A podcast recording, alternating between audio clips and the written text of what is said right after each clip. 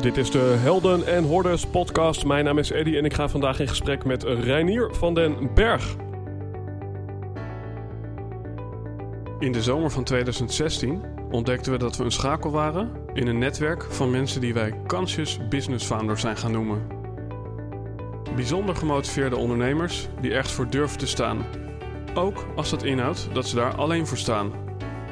Die 200% toewijding willen geven voor 1% groei en zeggen: Dit ben ik en dit is mijn bijdrage aan een meer gebalanceerde wereld.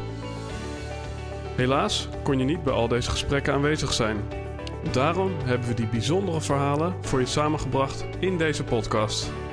We wensen je veel luisterplezier, maar belangrijker nog, we hopen dat jij de volgende stap gaat zetten in jouw avontuur.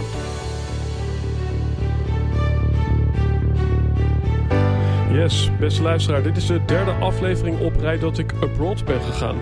Ik heb de mooie Helden en Horde studio eventjes verlaten omdat ik wel een heel bijzonder gesprek met iemand kon voeren buiten de deur. En dit keer was het de weerman, Reinier van den Berg. Je kent hem vast wel van RTL. Maar wat je misschien nog niet wist, is dat hij zichzelf ook wel eens profileert als vuilnisman in plaats van als weerman. Nou, hoe dat zit, dat leer je onder andere in deze aflevering. Deze aflevering is er niet alleen voor jou als je iets hebt met het klimaat maar deze aflevering is er ook voor jou als je iets wil leren rondom mindset, rondom het verschil tussen gebruik en bezit en hoe dat jou in contact kan brengen met het leven van jouw passie. Nou, zoals altijd zal ik ook dit keer Reinier eventjes aan je voorstellen door middel van een korte bio.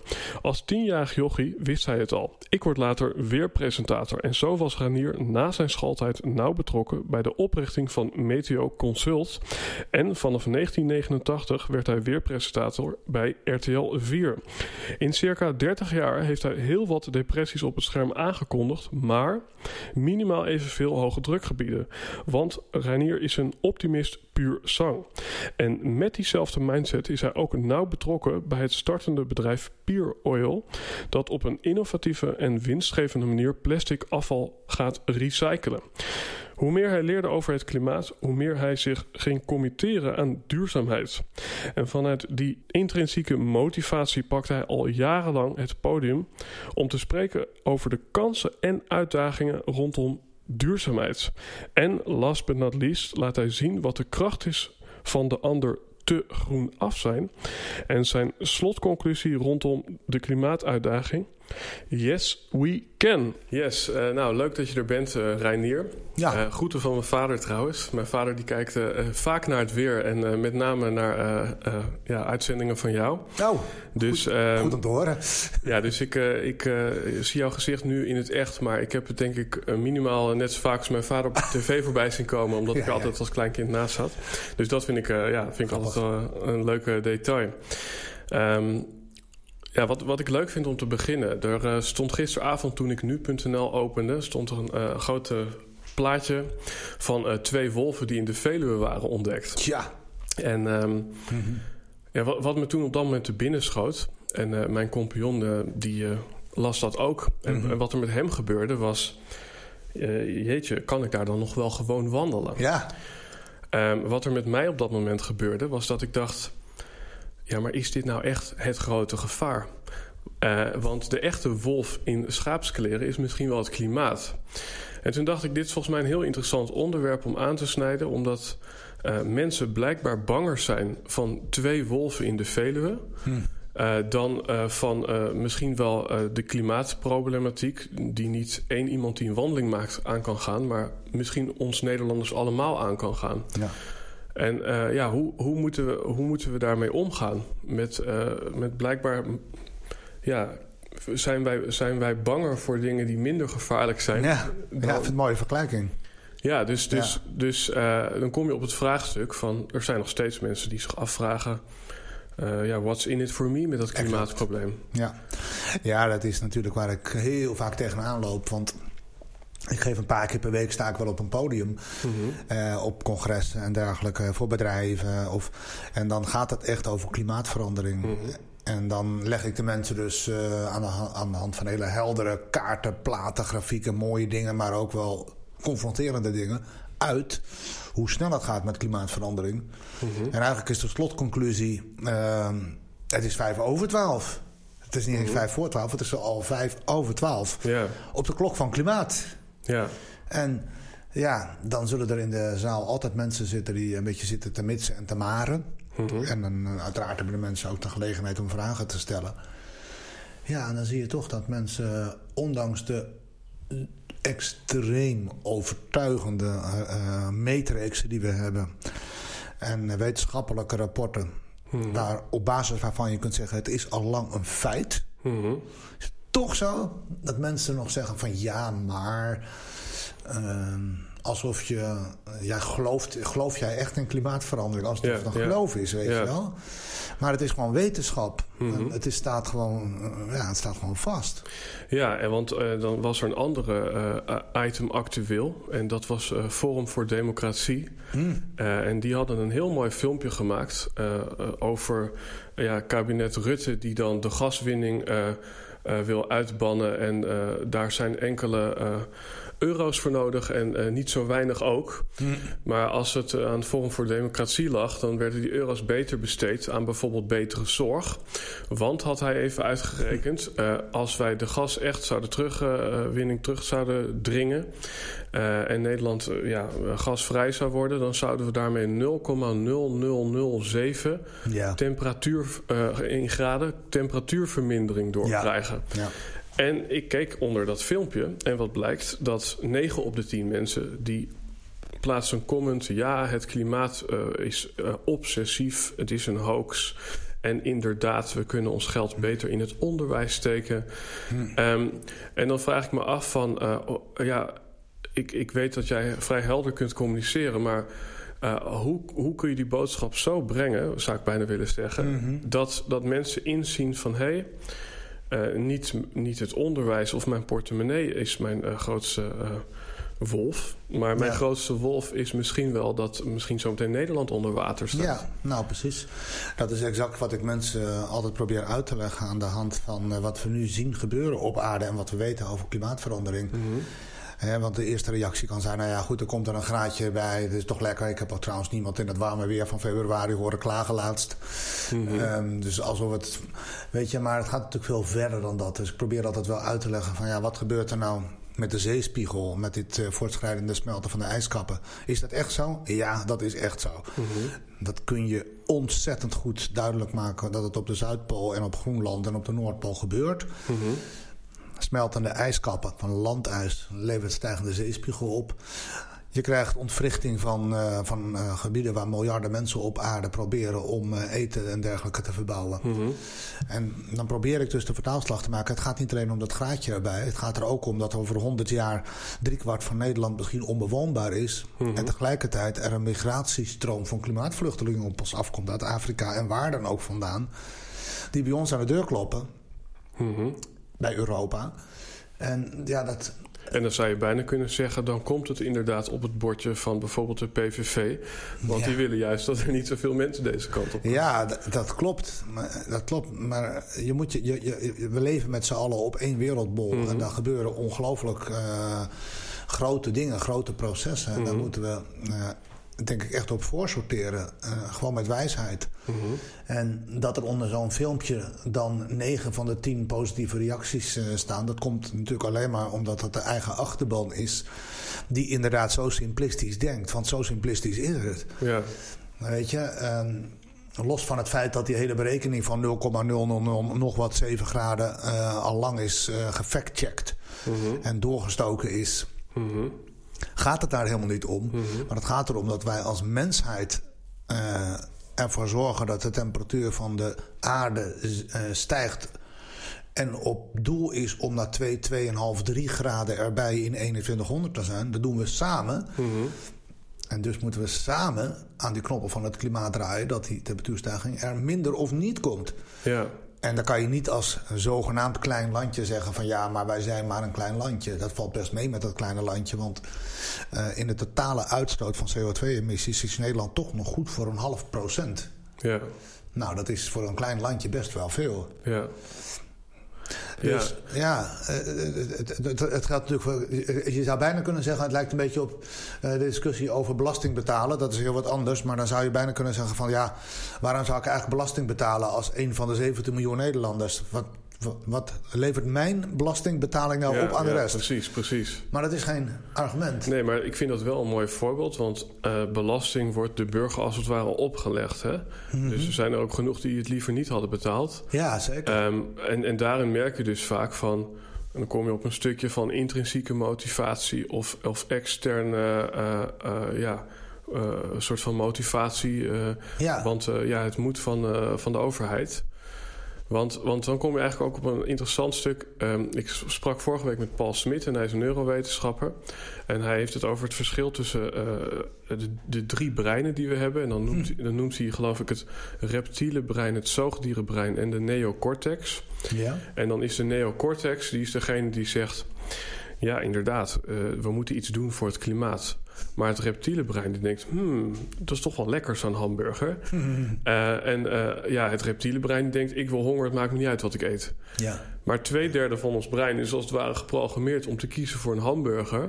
Ja, ja, ja. En een derde is misschien slim genoeg om te zien dat dat niet de beste keuze is voor, voor de wereld. Ja, Dus um, ik zou bijna willen vragen van uh, hoe, hoe, hoe doe jij dat? Hoe, hoe, uh, uh, ja, hoe weersta jij de verleidingen van bijvoorbeeld materialisme of die ene mooie vliegvakantie of iedere dag vlees eten? Mm -hmm.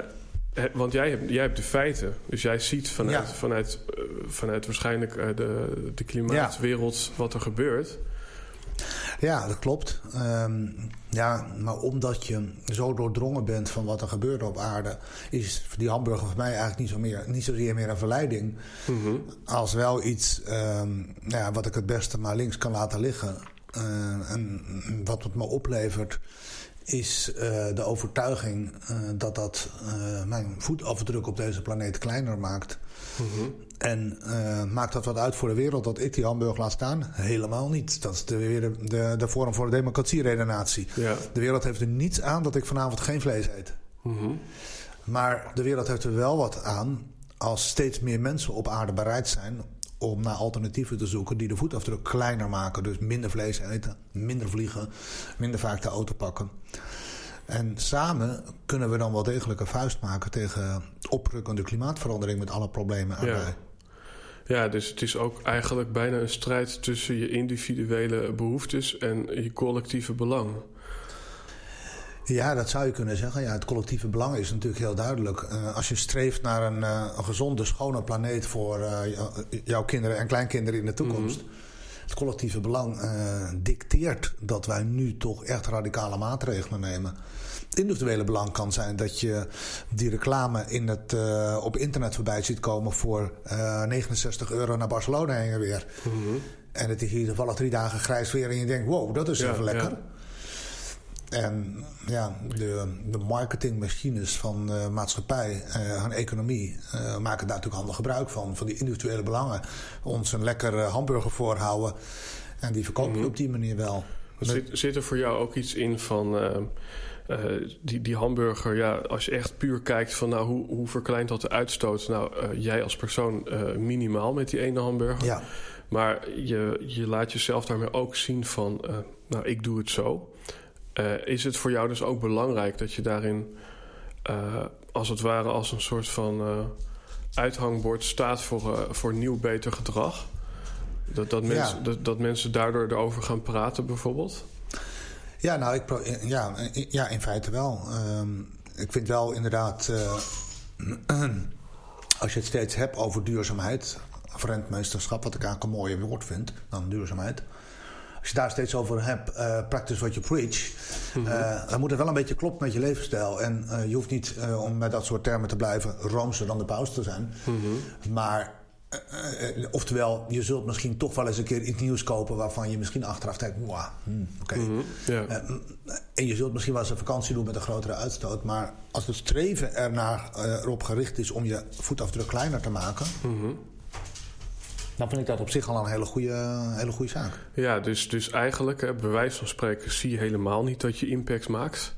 Maar je, je draagt bij aan een, aan, een, aan een beweging en daarmee draag je een ideologie uit bijna. Zo, de, de hond liep even weg. Ja, de hond liep even weg. Het werd hem allemaal Ja. te veel. ja, ja, ja. Ehm, ja, je draagt een ideologie uit, eh, eh, maar wel ondersteund met, eh, met, met duidelijke gegevens. Mhm. En je hoopt ehm, eh, door het laten zien van goede voorbeelden en kansen.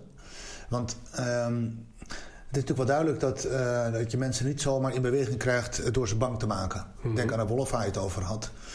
Ehm, ja, om, om, om steeds over angsten te praten, kan mensen ook een soort van eh, vleugellam of eh, re- reactionair maken. Ja, daar wil ik niks mee te maken hebben. Mhm. Maar de kunst is juist om de bedreiging om te zetten in een kans.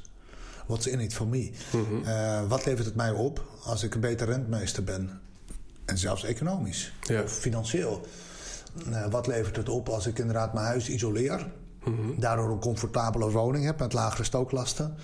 Of als je in het bedrijfsleven zit, wat levert het mij op als ik duurzame stappen neem? Mhm.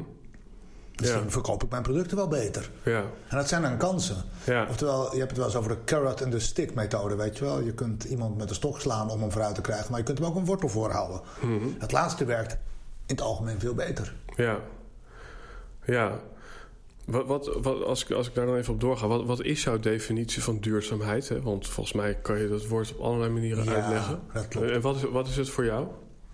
Ja, voor mij is het eh, zodanig met de planeet omgaan dat eh, met, met alles wat erop is qua eh, levende natuur, maar ook qua grondstoffen, dat de generaties na je de planeet op minstens dezelfde manier kunnen gebruiken en kunnen genieten. Op minstens dezelfde manier. Dus qua natuur, Ja, ja. maar ook qua grondstoffen. De realiteit is dat het natuurlijk voor beide heel snel minder wordt en dat iedere generatie na ons minder heeft qua natuur en minder heeft qua grondstoffen. ja. En dat is dus niet duurzaam. Nee. Want ehm, dat is inderdaad een vraag die ik had van eh, de levensstandaard die we hebben, en misschien wordt die nog wel veel beter, want nou ja, eh, we hadden ook nooit gedacht dat we allemaal een eh, telefoon en een auto zouden hebben 100 jaar geleden. Nee, precies. Maar ehm, is het op papier volgens jou mogelijk dat we de kwaliteit van leven die we nu hebben, ja, inderdaad eh, twee generaties later allemaal nog kunnen hebben? Of, of, of, of is er ook iets van minimalisme nodig om, eh, ja, om, om het eh, probleem aan te pakken? Mm, ja. Ja, dat is wel een goede vraag. eh, en eh, ik denk wel dat het zo is. Ik denk wel dat het, eh, het zogenaamde ontspullen, Ja. zoals dat wel eens wordt genoemd, Mhm. toch ook wel een onderdeel moet zijn van een toekomstige gezonde levensstijl. Mhm. Ik bedoel, al, zou, al zou je alles met duurzame stroom doen, hè? dus je laptops, je televisie, Mhm. al je andere apparatuur, dan zou het allemaal op zonne- en windenergie draaien. Dan nog moeten de grondstoffen wel gemaakt worden om die telefoon te maken of die andere dingen. Het moet ooit gerecycled worden. Ja. En eh, het ontspullen, ook qua kleding, zou natuurlijk kunnen betekenen dat je en langer met producten omgaat, langer er tevreden mee bent, niet in een valkuil trapt van oh ik wil wat nieuws, of de buitenwacht verwacht van mij dat ik weer eens een keer met wat nieuws kom. Mhm. Het ontspullen is echt wel een onderdeel van een levensstijl die eh, past bij goed rentmeesterschap. Tegelijkertijd is het wel zo dat onze levensstijl nu nog heel erg gebaseerd is op lineaire principes. Je koopt iets, je gaat er een tijdje mee om en je pleurt het weg. Mhm. En dat is niet houdbaar. Nee. Dus eh, die principes van hoe je met spullen omgaat moeten meer en meer circulair worden. Mhm. Zodat je het ook echt, eh, ja, de meest simpele vorm via marktplaats een tweede leven geeft. Maar in heel veel gevallen kan dat niet. Maar dat het dan ook volledig kan worden omgevormd of hergebruikt voor een prachtige nieuwe bestemming. Mhm. En het zou ook eh, kunnen betekenen, om dat eh, proces te helpen, dat je niet meer zozeer streeft naar de eigenaar te zijn van een auto, Mhm. maar dat je gebruiker bent van een auto. Want ik ben eigenlijk niet geïnteresseerd in een auto op mijn, eh, op, bij mijn huis, maar ik ben geïnteresseerd in mobiliteit. Mhm. Ik wil op mijn tijd van A naar B, op Ja. een enigszins normale, snelle, Ja, ja. veilige manier. En dan heb je het dus over, eh, in, in plaats van bezit ga je daarna gebruik. En dan krijg je dus eh, deel, deelgemeenschappen. Je deelt dus Ja. gezamenlijk een auto, een fiets misschien ook wel. En nog veel meer producten. Ja. En dan lever je dus eigenlijk niet zoveel in uh, levensstijl in qua comfort. Je kunt, als jij het wil, van A naar B met een auto... en je hebt zelfs nog keuze in of die rood of blauw is, bij wijze van spreken. Mhm. Alleen je bezit hem niet meer. Ja. Het gevolg daarvan is dat je er minder van dat soort producten uiteindelijk uh, nodig hebt. Of Ja. anders, dat de fabrikant van die producten... Dat, dat is een ander principe. Ik heb hier lampen boven de tafel hangen. Eh, die heb ik gekocht. Ik ben eigenaar van die lampen. Mhm. Maar eigenlijk ben ik niet geïnteresseerd in die lamp. Ik ben geïnteresseerd in het feit dat die eh, licht geven op een manier zoals ik het fijn vind. Ja, ja, ja. En als de producent van die lamp eigenaar blijft van de lamp... en ik betaal hem eh, Ja. 1 euro per jaar om die dingen daar te mogen laten hangen... dan is die producent erbij gebaat dat ze over 30 jaar nog even goed zijn. Ja, dus het gaat inderdaad zelfs ook jou als consument eh, eh, in je voordeel werken. Ja, en ook voor de producent. Ja. pro- producent die heeft een vast inkomen aan die lampen gedurende eh, een, ja, een termijn die je afspreekt. Dat zou je voor een koelkast kunnen toepassen. Ja, ik vind, ik vind het wel een mooi principe. Want, want kijk, inderdaad, als ik zelf mijn auto de hele tijd moet onderhouden. ja. Terwijl ik denk, ja, maar ik ben geen, ik ben geen specialist op het gebied van auto's. Ik ben bijvoorbeeld specialist op het gebied van storytelling. Ja. En dan moet ik onder die auto liggen. ja, precies. Dat wil je helemaal niet. Nee, dat kun dus- je misschien ook wel niet. Dus, dus eigenlijk door dat eh, eh, gebruiken in plaats van bezitten, komt eigenlijk ook eh, het product in de verantwoordelijkheid te liggen van degene die daar de meeste passie en talent voor, voor heeft. Exact. Ja, Exact. dus het is eigenlijk bijna ook een, een, een ideologisch stukje. Of een, Ja. ja. Ja. Ja, en de moraal van dat verhaal, hè, van die vraag van inleven en levensstijl. Ik denk dat als we met de wijsheid eh, en toch ook wel technologie die we... Technologie hebben we ook wel nodig. Wijsheid en technologie die we hebben... eh, de maatschappij van de toekomst schetsen. We hoeven niet terug aan de steentijd. Mhm. Ik zie het echt wel zo dat je ook over 30 jaar kunt gebruik maken van eh, misschien nog veel verdergaande en modernere technologie dan vandaag. Maar wel op een manier Mhm. waarop de belasting van de planeet Aarde geminimaliseerd wordt. Ja. En misschien uiteindelijk wel op een manier dat je wat toevoegt aan eh, grondstoffen. Ja. Of, eh, of aan soorten rijkdom en dergelijke dingen. Nou, een ander aspect wat, wat ook zit in dit mooie voorbeeld van die lampen... en inderdaad geen auto bezitten, maar mobiliteit... Weet je wel, van ik wil geen lamp, ik wil licht. Ik wil geen auto, ik wil vervoer. Ja, Eh, en ik, ik ken ook het spreekwoord... ik wil geen boormachine, maar ik wil een gat in de muur. Ja. Of, of nog een stap verder, eh, ik wil eh, een fotolijst van mijn kinderen. Weet je, ik, ik wil in contact staan, misschien wel met mijn naasten. ja. Dus het is, het is ook bijna een soort van denken in, in basisbehoeften. Of, ehm, maar ik vind het mooi, want dan wordt er bijna ook weer een appel gedaan op, eh, op, op, op, op ja, wa- wat je fijn vindt, hoe je wilt leven, eh, Mhm. je lifestyle. ja. En, eh, en misschien wat je kunt bijdragen. En ik kan me ook voorstellen dat het hele consumentisme voort, voortkomt. Misschien wel vanuit een gemis aan gevoel van bijdrage. En een gemis van een goede dagbesteding. En dat je daarom Mhm. maar alles in je bezit wil hebben om nog het gevoel te hebben dat je iets bent. Ja, ja, Ja. nou dat zou kunnen. Ik denk dat, dat er eh, landen zijn te noemen waarbij dat nog heel sterk zo is. Dat natuurlijk de waarde van jou bepaald wordt aan wat je voor je huis hebt of in je huis hebt. Mhm. In Azië is dat nog een heel duidelijk principe. Eh, Ja. Als je naar China gaat, als je rijk bent, Ja, dan ja. moet je het ook echt laten zien. Ja. Als je dan geen auto hebt die minstens eh, nou ja, vijf of misschien wel zes cijfers in euro's of dollars, weet je. En dat is bij ons natuurlijk al wel wat minder. Omdat we Mhm. natuurlijk met z'n allen een relatief een hoge welvaart bereikt hebben. Dus Ja. ook mensen met veel vermogen zijn, hoeven dat helemaal niet te laten zien meer. Mhm. En ik hoop dat het nog veel meer wordt. En dat je Ja. gewoon eh, in alle bescheidenheid eh, het geluk niet per se zoekt in het bezit. Maar in, eh, ja, inderdaad, in, in, in, in lifestyle, met ook relaties. Mhm. Met medemensen, maar ook met de natuur. Weer Ja. meer met de natuur ook. ja, ja, precies. Want ehm, ja, eh, eventjes dan naar jouw vakgebied van eh, eh, klimatoloog. Is, is dat de juiste... Ja, mijn achtergrond is meteorologie. mhm. Maar hè, dat gaat echt over het weer, over het Mhm. dagelijkse weer. Maar direct daarnaast staat klimatologie. Want dat Mhm. is het gemiddelde weer. Oké, ja. een statistisch begrip. Ja. Een klimatoloog bestudeert het gemiddelde weer en kijkt of er trends zijn. Of, Ja.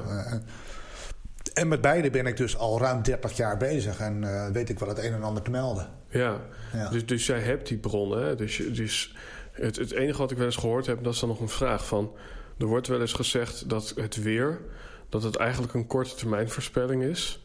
En dat je dus vanuit daar dus ook moeilijk conclusies kunt trekken over waar we bijvoorbeeld in 2100 staan als het gaat om duurzaamheid. Ja, ja dat is inderdaad. Is dat zo? Nee, dat is een, echt een grote misvatting. Uh, en hij is op zich wel begrijpelijk. Ehm, maar mensen halen dan weer en klimaat door elkaar. Ja. En, en dat is dus, het weer is gewoon het feit uh, dat er nu een wolk voor de zon gaat en over vijf minuten de zon weer doorbreekt.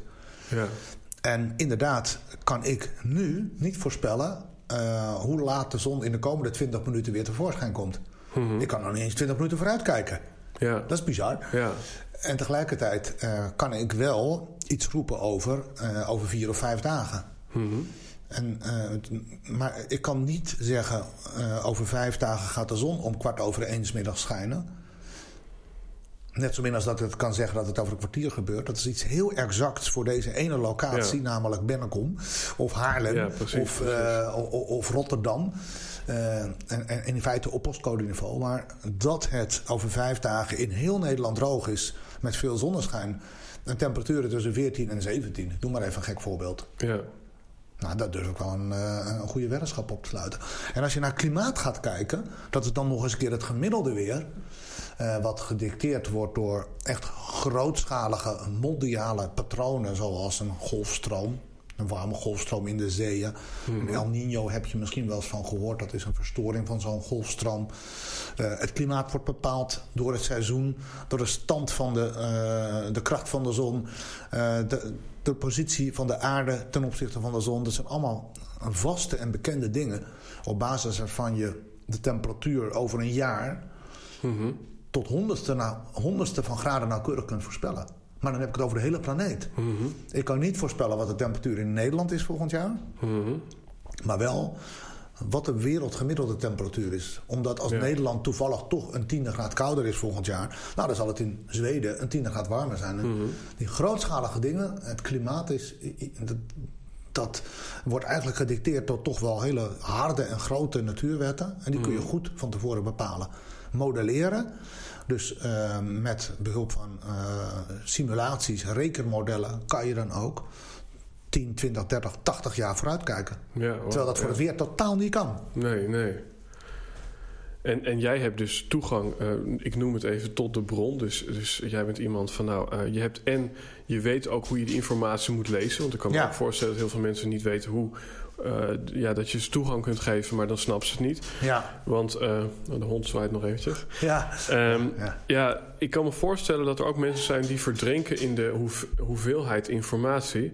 Um, en ook de betrouwbaarheid van de informatie. Want dan hebben we aan de ene kant, uh, dus het, bijvoorbeeld het Forum van Democratie, die zegt: Nou, eigenlijk hebben wij nauwelijks impact en we kunnen hier wel uh, uh, geld in steken, maar we kunnen volgens mij veel meer impact maken in de zorg als we datzelfde geld daarin stoppen. Ja.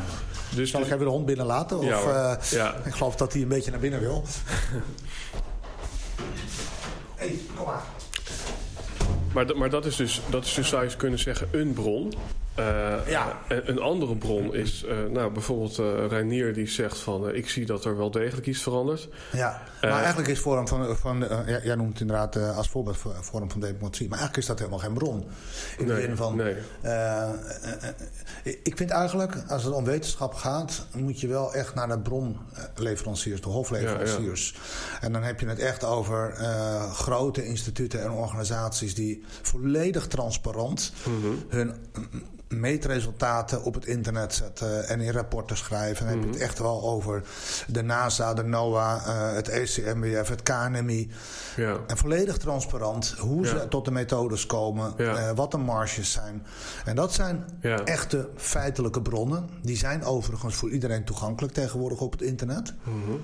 Het probleem is alleen dat er uh, fake bronnen zijn, surrogaatbronnen die een beetje gaan cherrypicken. Mm. En die uh, het ook helemaal geen probleem vinden om een grafiekje wat te manipuleren of zo af te knippen dat je net ja, een leuk ja. stukje kom, uh, ziet wat je uitkomt. Ja, ja, ja. Vergelijk wel eens de beurskoersen uh, op de Damrak of zo. iedereen kan onafhankelijk wat de trend op de beurs is, mm -hmm. een recent stukje grafiek laten zien waarin je stijgende koersen ziet. Mm. Iedereen en altijd. Ja, ja precies. Dat is gewoon een kwestie van afknippen. Mooi, Want een, een, echte beurskoers doet dit. Als hij omhoog gaat of naar beneden gaat. En dat is met temperaturen ook zo. En, ehm, ja. maar, dat, maar dat is ook mooi, want dan is het bijna de hypothese. En dan heeft bijvoorbeeld uh, Thierry Baudet een, een hypothese uh, dat het allemaal uh, larikoek is. Ja. En die, die pikt dus dat stukje informatie Ja. eruit, waardoor het net lijkt alsof het ook larikoek is. Ja, ja. terwijl het in alle, in alle reëelheid heeft, om het maar even uh, recht, recht te zeggen zoals het is, de ballenverstand van deze wetenschap. Het is mm. natuurlijk ook echt een wetenschap waar je vele jaren voor moet studeren. Mm -hmm. En als je toevallig rechten hebt gedaan in Leiden of zo, ja, ja. dan moet je niet denken dat je de driedimensionale en eigenlijk vierdimensionale wetenschap van klimaat kunt doorgronden. Mm -hmm. Dus zo'n partij of zo'n woordvoerder richt zich dan op klimaatskeptici. Ja die uh, heel erg goed zijn in het uh, verknippen van grafiekjes. Ja, want het, je, hebt, je, hebt, ook het omgekeerde. Er zijn ook mensen die zeggen... over twee jaar zijn we hoe dan ook uh, er allemaal geweest. Dus die bronnen zijn er ook. Die zijn er, wat zei je? Sorry? De bronnen die zeggen dat het over twee jaar sowieso afgelopen is... omdat we niet op vijf over twaalf staan. Nee, we staan al op één uur. Zeg ja, maar. ja, ja. Ja, nou ja, goed. Dan moet je weer kijken waar komen die bronnen vandaan. Ja. En er zijn dus ook alarmisten, uh, Ja. zeg maar, die uh, ja, ver vooruitlopen op de realiteit. Ja. En ik vind het altijd belangrijk om echt te kijken... uh, wat zijn betrouwbare bronnen? Mhm. Dat zijn toch eigenlijk wel grote organisaties, grote instituten... waar een wolk van wetenschappers bezig uh, is Ja. met dezelfde materie. Mhm. En het kan wel eens zo zijn dat uit die wolk van wetenschappers... er eentje wordt geïnterviewd in een talkshow... Ja.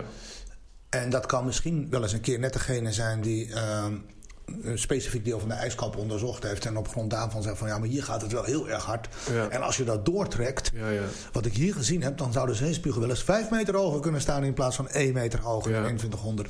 Als je dat er dan weer uitknipt. Hey, die wetenschapper zegt dat de zee 5 meter hoger staat. Mhm. Dan maak je van hem ineens een alarmist. Ja.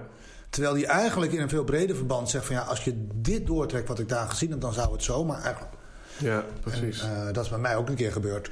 Uh, ik heb een keer in een interview gezegd van als het dit tempo doorgaat, ja. dan zou er tussen 2015 en 2035 of zo in de zomer voor het eerst de Noordpool bijna ijsvrij kunnen zijn. Ja. Wat, wat er dan vervolgens gebeurt, en dat, kun je nog steeds op internet vinden, dan gaat iemand een plaatje, een, een foto van, ja, van ja. internet plukken. Ja, Hij maakt zelf een kop, Mhm. alsof het uit een interview komt. En heel, dit was natuurlijk een heel mooi voorbeeld, want die foto was gemaakt na het interview, Mhm. jaren daarna. Maar die foto kon hij, hij vond dus een recente foto en dacht Ja, ga ik gebruiken. En dan koppelde hij een quote aan drie jaar eerder. Waaruit het bewijs valt dat het natuurlijk een fake uh, bericht is. ja. Want die foto bestond nog helemaal niet. Dit heeft Ja. nooit in een tijdschrift gestaan. Het- Ik heb het ook nooit gezegd.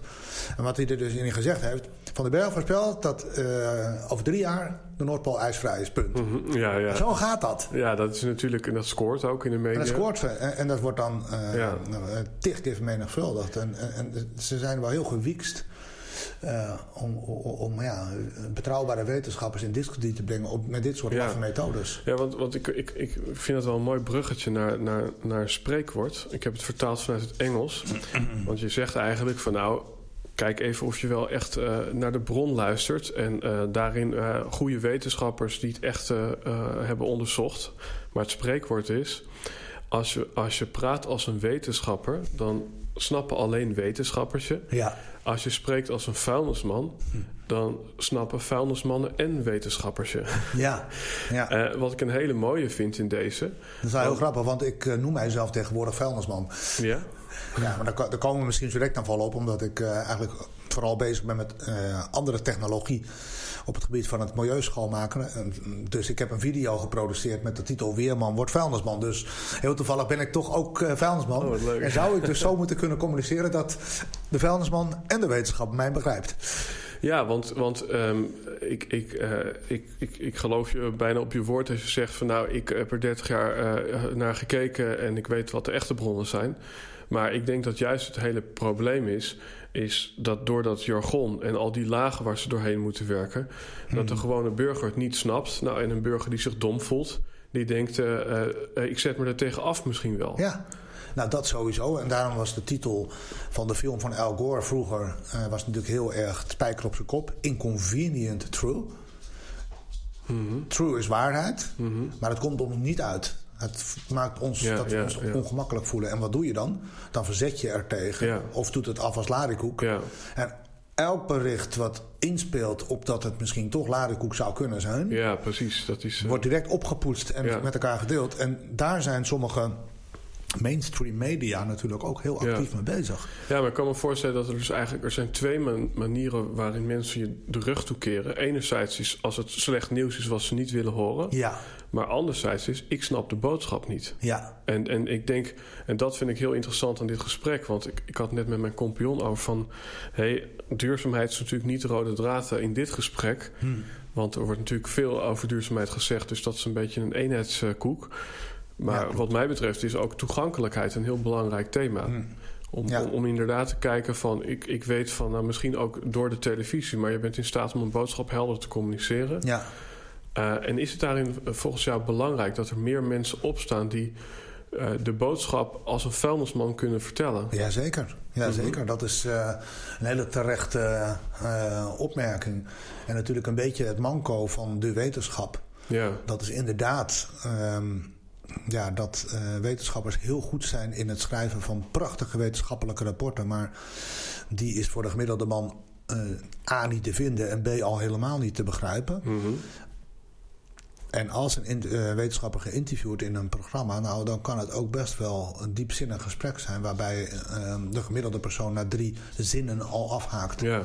Dus het is ontzettend belangrijk dat er heldere communicatie, een begrijpelijke communicatie op ieder niveau is. Ook in leeftijden. Mm -hmm. Oftewel, uh, in het onderwijs moet ook nog een hele slag gewonnen worden. Dat al reeds op de basisschool kinderen op een heldere manier uitgelegd krijgen wat er gebeurt met de planeet. Ja. En uh, dat het zaak is om daar als mens, als maatschappij en ook als individu, als kind, mm -hmm. en, nou ja, over na te denken, om mee bezig te zijn, gedrag aan te passen. En, uh, en het onderwijs uh, is toch ook wel de sleutel tot een breder draagvlak. Ja. Ja, en, en dan noem je het onderwijs. En dan zijn er volgens mij twee stromingen die nu gelukkig, uh, wil ik bijna zeggen, uh, steeds meer trendy worden.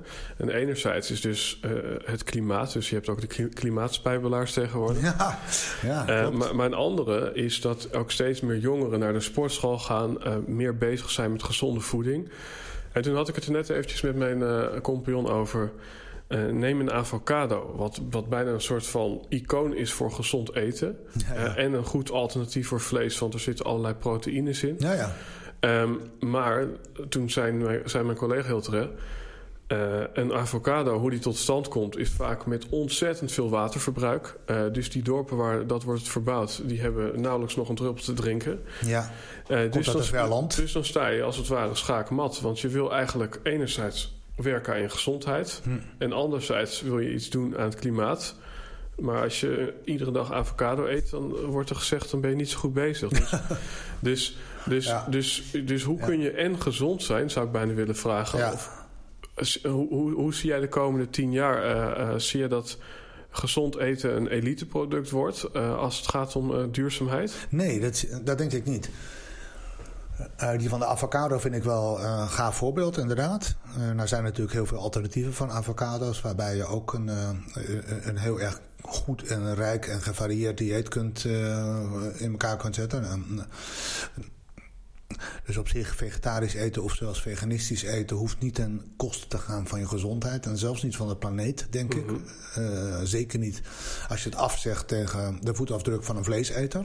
Mhm. Maar is het een luxe in de toekomst? Nee, ik denk het niet. Want er gaat natuurlijk niet alleen een grote technische revolutie plaatsvinden op de weg. O- Over hoe de auto's over vijf of tien jaar zich ontwikkelen tot eh, zelfsturende machines eh, en noem het allemaal maar op. De medische wetenschap die zal nu tien jaar extreem veranderen. We kunnen nog veel meer over tien jaar. Het printen van organen en al dat soort dingen. Waarom vertel ik dat nou? Nou, omdat in de land- en tuinbouw dat ook gaat gebeuren. Die technische revolutie die al gaande is. Ja, ja. En die leidt ertoe dat een avocado eh, of een, een ander product... eh, op veel efficiëntere manieren dan nu... in de toekomst eh, geproduceerd kan worden. Want voor het laten groeien van een gewas heb je licht nodig. Oftewel energie, warmte. Maar eh, zonne-energie, maar ook windenergie... worden steeds efficiënter en goedkoper. En dat maakt dat je als eh, zonne-energie en windenergie in de toekomst bijna gratis zijn. En je dus bijna gratis stroom hebt om een eh, tuinbouwkas op te tuigen. Dan kan je door het jaar heen, ook in Nederland, producten maken die nu nog uit Nieuw-Zeeland komen. ja. En uh, nou is dat met een boom natuurlijk wat lastiger. Een avocado-boom uh, die zal een bepaalde hoogte hebben om goede avocado's te kunnen maken. Die zullen mm -hmm. misschien genetisch nog wel zo kunnen worden uh, aangepast dat een boom wat lager kan zijn. Maar lage producten en gewassen, denk aan slaapplantjes en dergelijke. En er zijn natuurlijk champignonnetjes en er zijn natuurlijk veel meer voorbeelden van. Die kan je in verticale landbouw optuigen. Denk aan een kantoorgebouw van 30 verdiepingen. Oh, bij wijze van spreken. ja. En op elke verdieping zet je 365 dagen per jaar uh, een veld met slaapplantjes of met radijsjes Mhm. en wat dan Mooi, ook. Onder heel specifiek uh, LED-verlichting uh, golflengte. Die per gewas wordt uitgekozen. Want het is bekend dat worteltjes uh, houden van een andere kleur dan van boontjes. Oh, wauw.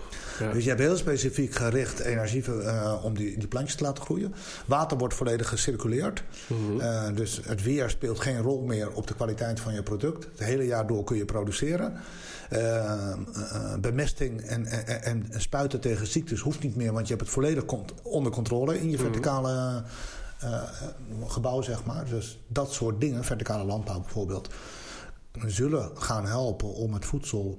Uh, voedselzekerheidsvraagstuk Ja. voor 10 miljard mensen in de toekomst mede op te lossen. Ja, want ik, ik beproef hier in jou een stukje optimisme. En uh, dat heb ik zelf ook. En bijna een soort van. Hoe leuk is het eigenlijk dat we, dat we een volgende stap kunnen maken met z'n allen? Ja. Um, uh, weet je wel, dat, dat het niet een soort van... Uh, ja, het ligt niet in ons bereik. God heeft besloten dat uh, we met z'n allen ten onder gaan. Maar volgens mij hebben we invloed. Hm. Um, en tegelijkertijd uh, kan ik me voorstellen... je zit hier in de Helden en Hordes podcast... Hm. waarin Hordes uh, enerzijds gaat over de massa... Nou, daar hebben we het net natuurlijk uitgebreid over gehad, want dat is een definitie van het woord. Ja. De andere definitie van hordes is obstakel. Ja. En dan vraag ik me even af van... er zijn waarschijnlijk ook een heleboel mensen die een beetje moedeloos zijn geworden. Uh, omdat ze uh, nou, proberen hun footprint te verkleinen. Mm -hmm. En dan horen ze weer dat uh, de treinen duurder zijn geworden, Ja. maar de vliegtuigen niet. Ja, Ja, ja. Ehm, ja. dus- goed voorbeeld. ja dus, dus hoe, hoe, ja, heb je zelf last van die moedeloosheid? Nou, het is uh, moedeloosheid is Of ik- machteloosheid? Machteloosheid. Ja, ja m- uh, het is al meer machteloosheid inderdaad. Uh, van ja, je kunt wel wat willen proberen te bereiken op een podium of met je eigen lifestyle. Maar dan zie je weer een, nee, inderdaad een nieuw besluit van die uh, trein, uh, treintickets. 9% btw in plaats van 6% vanaf 1 januari dit jaar. Terwijl de luchtvaart 0% heeft. Mhm. En uh, zelfs daar sta je zo machteloos in dat je zelfs als Nederland niet eens invloed hebt op vliegprijzen. Maar dat is natuurlijk een internationaal vraagstuk. Ja. En interna internationaal is afgesproken dat die buiten het Parijsakkoord blijven. Het is ontzettend Mhm. krom. Ja. Want de luchtvaart moet kunnen blijven groeien. Natuurlijk een hele actuele discussie. Ook in Nederland. Schiphol moet kunnen blijven groeien. Dat is heel Ja, erg in het nieuws de laatste tijd. Ja, moet dat echt? Moet Schiphol echt blijven groeien? Ja. Wat is de prijs ervan? Uh, ook qua gezondheid. Hè? Het gaat niet alleen over CO2-uitstoot, maar fijnstof en ultrafijnstof. Een uh, partij als Forum voor Democratie kan wel een grote mond hebben over uh, meer geld naar de zorg. Maar ja, dat geld zul je hard nodig hebben als je op deze manier Ja, ja, de economie ja, wilt laten doorgroeien. mooi, ja. Dus gooi je een eigen raam in. Ja, Ja. je Ja. gooit je eigen glazen volledig in met een visie als het van, van het Forum van Democratie om meerdere redenen. Ja. Dus moedeloos, nou, het is vooral machteloos en soms ook wel boos. Uh, bij, vanuit machteloosheid kan je ook echt boos zijn op Mhm. een overheid. Uh, soms ook op een bedrijf. Ja. Voor een uh, lakse houding of een ontkennende houding. Een struisvogelpolitiek, Mhm. symboolpolitiek, weet je? En toch kan ik me voorstellen dat het, dat het je bijna ook bestaansrecht geeft. Hè? Want als ik nou zou zeggen, nou Renier, ik heb iets uitgevonden. Ja. Uh, vanaf morgen is het klimaatprobleem opgelost. Ja. Dan, Ja. Ga ik, dan ga ik wat anders doen. Ja, heb, je, heb je enig idee wat? Nee, dat heb ik niet. Maar uh, kijk, ik kan natuurlijk altijd... Er zal altijd weer blijven. En ook altijd klimaat. Mm -hmm. En uh, het werken in de wereld van het weer is ontzettend leuk. Mm -hmm. um, en de afhankelijkheid van het weer wordt in feite steeds groter. Ja. Voor mens en maatschappij. Hebben natuurlijk een hele kwetsbare infrastructuur opgebouwd. met een klein beetje sneeuw hebben we vertragingen. En ja, ja, ja. Dus behoefte aan goede vakkennis op het gebied van meteorologie is er meer dan ooit. Mhm. Ik heb ervoor gekozen om na ruim 30 jaar de meteorologie min of meer af te sluiten. Omdat ik vanuit mijn kennis over wat er met de wereld gebeurt... toch zoiets heb van ja, ik wil toch eigenlijk vooral... Ja, ja niet lullen maar poetsen, weet je wel. Niet alleen praten over dat het twijfel over 12 is... maar ook echt sleuren aan die, ja. uh, aan die wijzer van de klok... om hem terug te duwen naar 5 voor 12. En dat doe ik als ondernemer om uh, in te zetten voor uh, ja, echt, echt, schone technologie te ja. propageren. En dan krijg je op RTL podium als, als weerman... En da dat is waarschijnlijk veel makkelijker dan iedere avond 10 minuten podium krijgen als, als klimatoloog. Nou ja, weet je wat het is? Uh, het is natuurlijk wel zo. bij RTL ben je als weerman gevraagd en word je daarvoor betaald om in twee of vier minuten te vertellen of het morgen 18 graden is of maar 15. Ja. En ja, je hebt wel wat redactionele vrijheid als weerman... maar je gaat geen klimaatcollege geven in Nee. die twee minuten. En sta ik op een podium voor 500 mensen... dan word ik daar gevraagd om mijn visie op duurzame technologie en economie te schetsen... Mhm. voor een zaal, geselecteerde mensen. Dat Ja. kan bijvoorbeeld uit de top van het bedrijfsleven zijn... of uit de top van het politiek. Ja, En dan heb je met uh, één praatje van drie kwartier... veel impact bij beleidsmakers. ja. Dus... Ja, want, want dat is in, in die zin is het treurig dat, uh, dat je inderdaad uh, een soort van miljoenen publiek hebt uh, die luisteren naar wordt het morgen 14 of 15 graden. Ja, lekker boeiend. Ja, terwijl, terwijl nou ja, de meeste regen valt naast je, heb ik wel eens eh, iemand horen zeggen. Ook dat is waar. dus, dus volgens mij is dat allemaal niet zo interessant. Nee, nou ja, het is, of het dan wel of niet interessant is, het is in ieder geval niet zo heel erg relevant. Ja, ja, ja ik zeg hetzelfde, ja, precies. Ja. en dat is ook precies de reden. het is niet, het is, het is, het is, mijn vader die is dus enorm uh, geïntrigeerd door het weer. En uh, het is gewoon echt, hij heeft er een passie voor. Hm. Maar ik, ik, kan me voorstellen, het is, het is niet, uh, het is geen leven of dood kwestie. nee. Het, en, en, en, daar, ja, en dan kom je opnieuw op dat stuk van, er zitten dan mensen in die zaal die wel drie kwartier naar je luisteren. Nou ja. Maar dat zijn waarschijnlijk de mensen die ook al ietsje verder zijn, iets bewuster zijn. Klopt ja, dat, dat, hangt ervan af. Uh, je hebt natuurlijk heel veel verschillende soorten sessies, zeg maar. Kijk, ik doe ook bijvoorbeeld, uh, om maar een voorbeeld te noemen, uh, avonden georganiseerd door bijvoorbeeld een grote bank voor hun klanten. En dan gaat het bijvoorbeeld over private banking. Dan komen daar bijvoorbeeld in een zaal 300 redelijk vermogende mensen. En die komen op een gezellige avond georganiseerd door de bank met een hapje en een drankje. Uh, luisteren naar een verhaal over nou, uh, uh, de beleggingen in 2018 en wat de visie is voor 2019. Mm -hmm. Maar ik ben dan wel de tweede spreker. -hmm. En ik ga in drie kwartier vertellen hoe je met je geld kunt streven naar winstgevend rentmeesterschap. Ja. Dus hoe je je vermogen kunt inzetten ja, om bij te dragen aan een gezondere en schonere planeet. Maar omdat dus, daar dus 300 vermogende mensen in de zaal zitten, ja. is de enige overeenkomst tussen die mensen dat ze veel geld hebben. En of ze dat nou verdiend hebben met uh, vieze auto's, mm -hmm. met schone auto's, met olieindustrie of met zonnepanelen. Mm -hmm. Het zit allemaal in de zaal. Ja, ja. Dus er zitten in die zaal twijfelaars, uh, sceptici en voorvechters. Ja. Dat is het leuke van zulke avonden. Interessant. Ik, ik, ik, uh, ik heb een klant en uh, deze klant die heet Ralf Moorman van, van de Hormoonfactor. En hij zegt eigenlijk er zijn drie plekken om de wedstrijd te beïnvloeden als je in de metafoor van voetbal spreekt. Vanaf achter de tv met een zak chips. Dan heb je natuurlijk weinig invloed. Ja, precies. Hooguit uh, dat je je, je wederhelft mee... of laat, tegen je krijgt. Precies. ja. Um, nou, dan heb je de tribune. Heb je al ietsje meer invloed, ja. want misschien horen ze je. Ja. Um, en dan heb je natuurlijk het veld zelf. En daar heb je maximale invloed. En toen kwam hij erachter, want hij zit in de voeding... dat er heel veel uh, voedsel is met uh, veel E-nummers en uh, weinig gezondheid. En toen dacht hij op een gegeven moment... weet je wat, ik ga gewoon met een product naar de Jumbo, Albert Heijn en de DK. Mm -hmm. hier alsjeblieft heb je een mooi product... waardoor men veel beter kan eten. En toen zeiden ze allemaal... ja, maar er is helemaal geen vraag naar... En toen heeft hij dus ja. jarenlang heeft hij aan de kant van de consument dus het bewustzijn verhoogd. Mm -hmm. Door allemaal boeken, seminars, filmpjes te maken over hoe werkt jouw lijf, hoe werken hormonen mm -hmm. en wat gebeurt er als je dit tot je neemt en als je dat tot je neemt. Ja. Totdat op een gegeven moment er zo'n achterban was van Ralf Moorman dat hij toen opnieuw naar de supermarkt stapte en toen zei hij ik wil het nog een keer uh, aan jullie voorleggen. En dus zeiden ze, oh ja, volgens mij werkt het wel, want uh, volgens mij staan ze al voor de deur. uh, en, en dat is wat mij betreft een heel mooi voorbeeld, want we hebben het hier over influencers, dus ja. mensen die ja. een grote portemonnee hebben en misschien overheden. En aan de andere kant heb je de consument. En dan vraag ik me bij dit duurzaamheidsvraagstuk af, wat jouw visie erop is van uh, moeten wij als burgers allemaal vele malen bewuster worden, zodat wij hier het grote probleem gaan oplossen? Of is het probleem dusdanig dat we eigenlijk nog maar één optie hebben? En dat is bijvoorbeeld bij Shell en andere maatschappijen aankloppen en zeggen: uh, ja, we gaan jullie vanaf nu bannen en blokkeren. Dus, dus, dus waar ligt op dit moment de grootste winst? Eh, in, in in iedere burger die, uh, die ja. afval gaat scheiden? Of, uh... Ja, ik zie het als een beetje als een, uh, een driehoeksverantwoordelijkheid. Ehm, in de zin van, ehm, je hebt wetgeving en politiek nodig. Mm -hmm. Internationaal en nationaal en regionaal en op gemeenteniveau. Mm -hmm.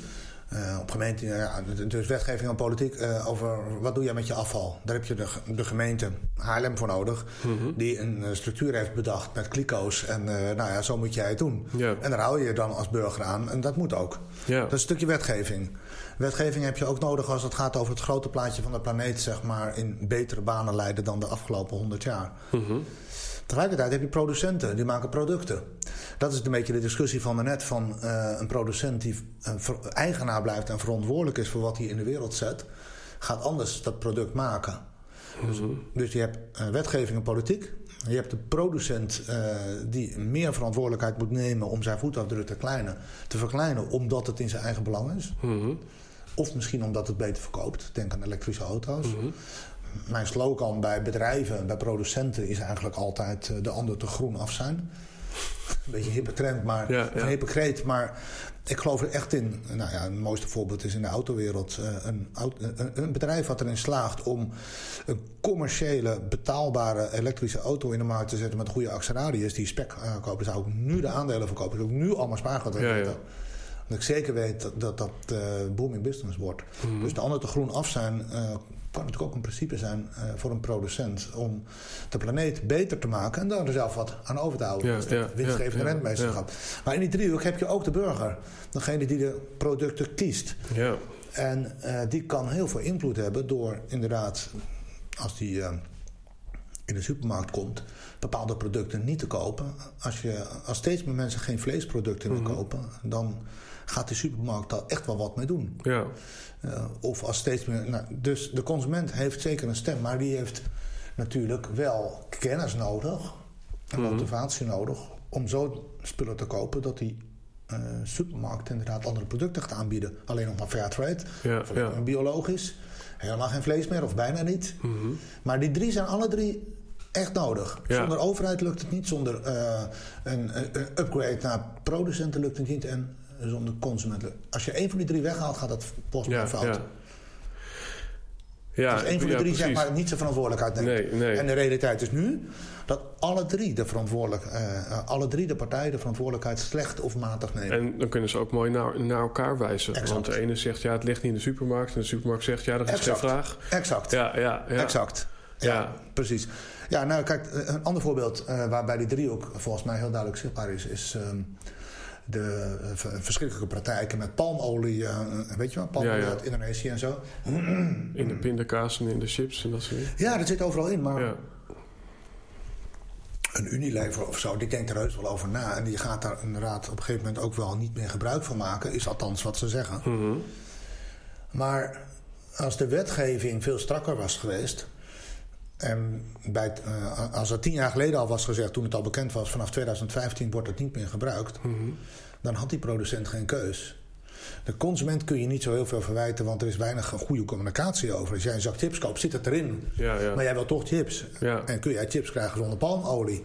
Waarschijnlijk niet. Dus hier zijn de producent en de overheid zeg maar leidend in het verbeteren ja, van. Ja, ja. Maar mocht jij als consument uh, op de hoogte zijn van het drama wat jij met je chips eten voltrekt in Indonesië, dan ga je ineens minder chips eten en misschien alleen nog maar nootjes. Ja, ja. Dus die driehoek is altijd heel belangrijk. Ja. Volgens mij. Ja, dus het gaat hier ook over een stukje verantwoordelijkheid en, en minder vingerwijzen. Ja, maar ja, dat, je, dat klopt. Want, want dus, uh, is misschien ook weer een bruggetje. Um, en zo rollen we richting het uurtje rond. Hm. Maar ook een recent item, dat was de klimaatspijbelaars. waarvan er, misschien was dat net zoals in jouw voorbeeld... Hè, dat ze er een stukje uit hadden geknipt in de media. En welk stukje was dat? Dat ze daarna naar de Burger King en naar de McDonald's gingen. Afschuwelijk. Ja, wat, is, ja, wat, wat, wat vind je precies afschuwelijk? Wat ik er afschuwelijk aan vind, dat is uh, dat uh, de berichtgeving hier heel erg selectief uh, zo wordt gekozen dat de klimaatspijbelaars in een kwaad daglicht worden gezet. Mm -hmm. Terwijl het jongeren zijn die tijd investeren om daar naartoe te gaan. En het, het is nog veel erger. Er zijn zelfs foto's viral gegaan van een enorme berg met McDonald's en Burger King shit op straat. En, en, de, en het onderschrift bij de foto was... dit was het Malieveld na de klimaatspijbelaarsmars. Wat bleek, de foto was van drie jaar eerder uit Tilburg. Ja, ja, ja. En, en, en, en, en, en, wie heeft er belang bij dat die klimaatspijbelaars op zo'n grove wijze met fake news zeg maar, in qua daglicht worden gezet? Mhm. Dat is de Forum voor Democratie en PVV. Die niks anders uh, te roepen hebben als van ja, maar klimaat is onzin. Dat zeggen ze mhm. ook letterlijk. En klimaatspijbelaars is dus ook onzin. En ze maken er zelf een puinhoop van. Ja. En toch, hè, dat is misschien een beetje omdenken. En dan moet ik ook denken aan, aan Trump, die ook uh, wel eens heeft gezegd: het wordt toch steeds uh, uh, kouder die winters. Dus waar is die klimaatverandering nou eigenlijk? Ja. Kunnen ook misschien inderdaad een Trump en de media die dus verspreiden dat die hamburgers gegeten worden, zorgt wel voor een talking piece. Dus zorg ervoor dat wij het er nu over hebben. En dat misschien die jongeren met z'n allen bewust zijn geworden van: oh ja, vlees, daar heb ik nog nooit aan gedacht dat dat misschien ook onderdeel is van de formule. Ja, maar moet je daar uh, fake news en valse informatie voor gebruiken? Uh, En wat, wat, wat, Amerika en de winters betreft, uh, het aantal periodes met extreme kou is enorm aan het afnemen in Amerika. Mm -hmm. Maar als het vijf dagen min 20 is, ja, ja dan is ja. het er koud. Ja, dan wordt er weer dat stukje eruit. En dan wordt het weer geframed. Ja, ja. We need more global warming, wordt er dan gezegd. maar als je even weer naar de brongegevens kijkt en het aantal koude golven bekijkt vanaf 1900, dan is het een snel dalende trend. Ja. Dus ook hier is er sprake van manipulatie van nieuws. Ja. En uh, nou ja, dat met de klimaatspijbelaars vond ik buitengewoon grof. Ja. Uh, omdat je gewoon echt valse informatie en foto's verspreidt. En de Telegraaf is dan een medium wat daar natuurlijk in voorop loopt. Ja, ja. De klimaatspijbelaars werden voordat die mars plaatsvond... Ja, met die microfoon. kindermishandeling genoemd. Ja. Het heeft letterlijk als kop in de krant gestaan jongens, we hebben het over uh, jongens en meiden van 15 jaar. Mhm. Ik vind het een grove belediging voor mensen, door kinderen die echt worden mishandeld. Ja, ja. De mainstream media, Telegraaf, grootste krant van Nederland. Nou ja, dan denk ik bij mezelf van... Uh... Maar, maar ook daar is, hè, en dan is dat inderdaad een grote krant van... Het is ook een bedrijf. Uh, en, ja, dat, klopt. En, en dat bedrijf uh, die ziet misschien ook abonnees teruglopen. Ja, nou, nou nu, nu helemaal. Het schijnt zo te zijn dat ja? het inderdaad niet uh, in, in, in, in dank wordt afgenomen. Okay. Dit soort dingen. Is er ja. ook eentje van. Ja. Die een, echt een, ja, op het campagne, je kunt wel zeggen op het niveau van campagne, zeg maar, tegen alles wat klimaatverandering in het nieuws brengt, aan het strijden mm -hmm. is. Eerst met die al lang gepensioneerde Simon Roosendaal. Ja. En uh, nu hebben ze weer een aantal andere uh, gepensioneerde klimaatskeptici, ja. zeg maar.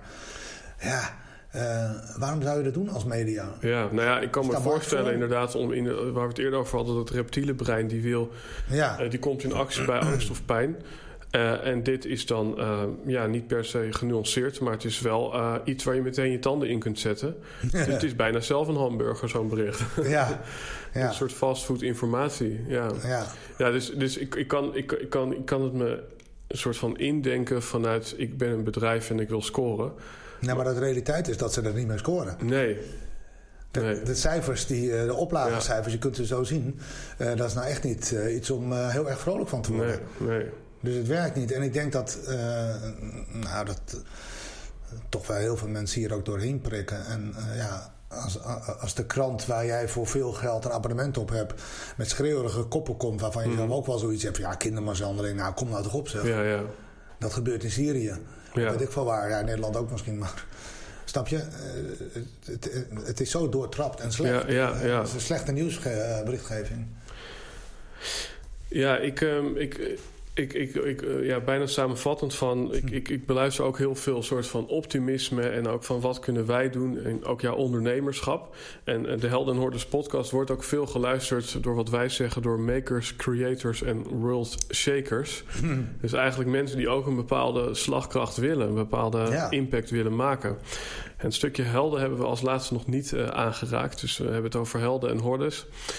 Um, eh, wie is voor jou een, een held op dit gebied? Of welk boek of welke film heeft jou enorm geïnspireerd uh, uh, ja, in de reis die je maakt, die, die de luisteraar misschien daarna ook kan ondersteunen? Ja, ik vind ik vind in deze, deze, hele materie communicatie erg belangrijk. Hoe bereik je nou de grote massa? Dat is toch weer de vuilnisman van net. Ja, Nog even vuilnisman. Hè? Ik ben dus bezig met uh, het starten van een groot bedrijf... Samen met een club andere mensen om van plastic olie te maken... en van die olie, duurzame olie, zeg maar, in de markt te zetten... En, de olie zeg maar, ook nog eens een keer te bos compenseren met verbomen. Dus wij mhm. willen en het plastic afvalprobleem oplossen en de, de wereld gaan herbossen. Mm Dus dat is het uh, niet lullen maar poetsen principe. Mm uh, en uh, ik vind het erg inspirerend dat er veel meer ondernemers zijn die gewoon met risico een nieuwe koers inzetten om de wereld schoner te maken. Mhm. Maar communicatie is er ook heel belangrijk in. Mhm. En influencers heb je nodig. En ik vind dan, um, hoe heet die, van de bekende filmacteur van, uh, van uh, kom ik niet eens op zijn naam nou. Uh, een documentaire Before the Flood. Die oh, Di DiCaprio. Ja, tuurlijk. Leonardo DiCaprio. Ja, uh, dat is een gast die het voordeel heeft dat hij erg populair is. Mm -hmm. Ook bij jongeren. Mm -hmm. En en trouw, even, even, daarop inhaken. Ook hij heeft dan meerdere auto's en wordt ook er moeilijk over gedaan. Ja, ja maar ga door. Hij heeft ook een voetafdruk natuurlijk. Ja, uh, ja. En daar mag je van alles van vinden. Maar uh, hij reist wel stad en land af uh, om een boodschap te verspreiden. Mm -hmm. uh, die gaat over A, het gaat fout, het is 5 mm -hmm. over 12. En B, als we ons laten horen en als mensheid wat doen, kunnen we de klok terugdraaien. Mm -hmm. Een ander mooi voorbeeld van een heel ander kaliber is bijvoorbeeld die, die Greta Thunberg, die 16-jarige meid uit Zweden. Die um, volgens mij in de zomer van 2018 is begonnen met klimaatstaken. Mm -hmm. Klimaatspijbelen. Mm -hmm. En uh, nou, dat is zo opgevallen dat zij de klimaattop heeft toegesproken in oh, wow. Polen. Die uh, YouTube-video kun je nog zien. Nou, dat is een van de beste speeches over klimaat ever misschien. Maar die meid is 16 jaar oud. Ja, ja. ik krijg kipvel als je het zegt. Het komt gewoon nu al over. Zeg. Ja, ja, het is gewoon totaal viral gegaan. Ja. Uh, een meisje van 16 jaar die zich zo opwindt en ook zo exact de vinger op de gevoelige plek ligt. Als waarom het fout gaat met de planeet en dat dat ja. een geldzucht is. En nou ja, dat legt ze op een hele mooie en kwetsbare manier uit. En heeft dus heel veel navolging gekregen. Dus dat vind ik wel helder. Um, die um, vanuit een hele andere positie, ze zijn niet met elkaar te vergelijken. Greta mm -hmm. Thunberg kende niemand, maar bereikt nu de hele wereld. Mm -hmm. Leonardo DiCaprio kent iedereen en bereikt ook de hele wereld. Ja. Maar dit zijn wel eh, de influencers. En in Amerika is er nou ook zo iemand opgestaan. Dat is een waanzinnig verhaal. Uh, dat is een, uh, een, een serveerster uit, een, uit zo'n, nou niet een pizza hut, maar zo'n soort keten, zeg maar. Die was tot en met vorig jaar in een, een of andere wijk in Manhattan. Uh, nou, was er niet veel meer dan een serveerstertje. Mm -hmm. Zeg maar even. Ja. Bijna denigrerend, maar dat was haar werk. Maar ze is heel erg wel bespraakt en ze is wel heel goed opgeleid. Ze is nu lid van de, uh, van de Amerikaan, uh, van de Senaat. Ze is democraat. Ja. Maar haar speeches die gaan zo hard de wereld over. Ze is nog maar 29, volgens mij nu net 30. Uh, dat er nu al steeds meer mensen zijn. Dat wordt de volgende Amerikaanse president. En misschien niet over twee jaar, maar ja, dan ja, zeker wel over zes ja, jaar. ik heb het ook gezien, volgens mij. Het is typisch de Amerikaanse droom die dan uh, in een jonge vrouw in dit geval tot uiting komt. En die zulke radicale en goede dingen zegt over klimaatbeleid. En ook over uh, geldzucht en dergelijke. Dat vind ik wel helder. Ja, het leuke is wat ik je even wil teruggeven van wij zijn ook altijd bezig met persoonlijke ontwikkeling. Um, en heb ik een mooi boekje gelezen dat heet Wat je zegt ben jezelf. En als je iemand wil vragen, geef ze een profielschets van wie je in potentie bent of wilt zijn.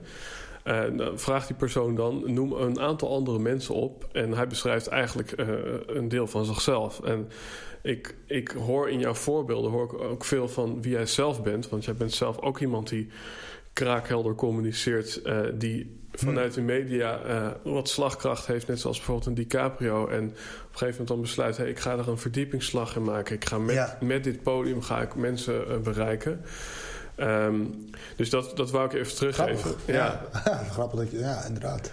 Ja. Interessante, interessante case inderdaad. Als je dat mensen vraagt, dat ze inderdaad met voorbeelden komen die Ja. ergens eh, parallel hebben. Wel, Ja, want nooit over je, kunt het niet in een ander herkennen als het niet ook ergens in jezelf zit. Nee, dat zal waar zijn. Je Want- bent er toch al op gefocust. Nou, om daar nog een stap verder in te gaan. Ik heb wel eens iemand gehad die eh, eh, gaf Obama als voorbeeld. Waarom, zei hij? Omdat Obama niet kon public speechen, maar toch deed. ja, ja. Terwijl een ander, die had ook Obama gezegd. En die zei ja, eh, Obama, omdat hij zo goed kan speechen. Zo. Ja, bizar. Dus ehm, het zegt dus eigenlijk minder over die persoon dan hoe jij die persoon ziet. Ja, En exact, Dat, en dat is heel interessant. Oh, dat is wel heel interessant. Ehm, dus eh, ja, zo, zo, eh, rollen we richting het einde. Om hem helemaal af te sluiten, ehm, dan hebben we ook wel eens de vraag... Er staat een mooi billboard langs de weg... waar allemaal mensen in benzineautootjes tot stilstand zijn gekomen in de file. En dan mag er één grote boodschap op een billboard staan... waardoor iedereen misschien wat bewuster of geïnspireerder eh, eh, ja, naar zijn werk rijdt... of misschien wel omkeert en naar huis gaat. Zo.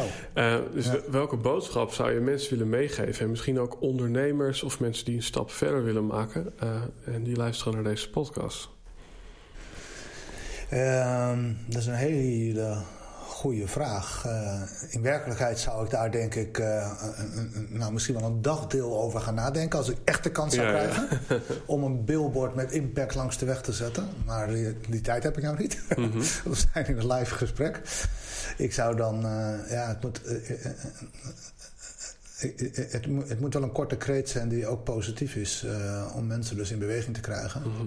Dus je- ik- zou dan willen dat ik problematiek koppel aan jouw verantwoordelijkheid en kans.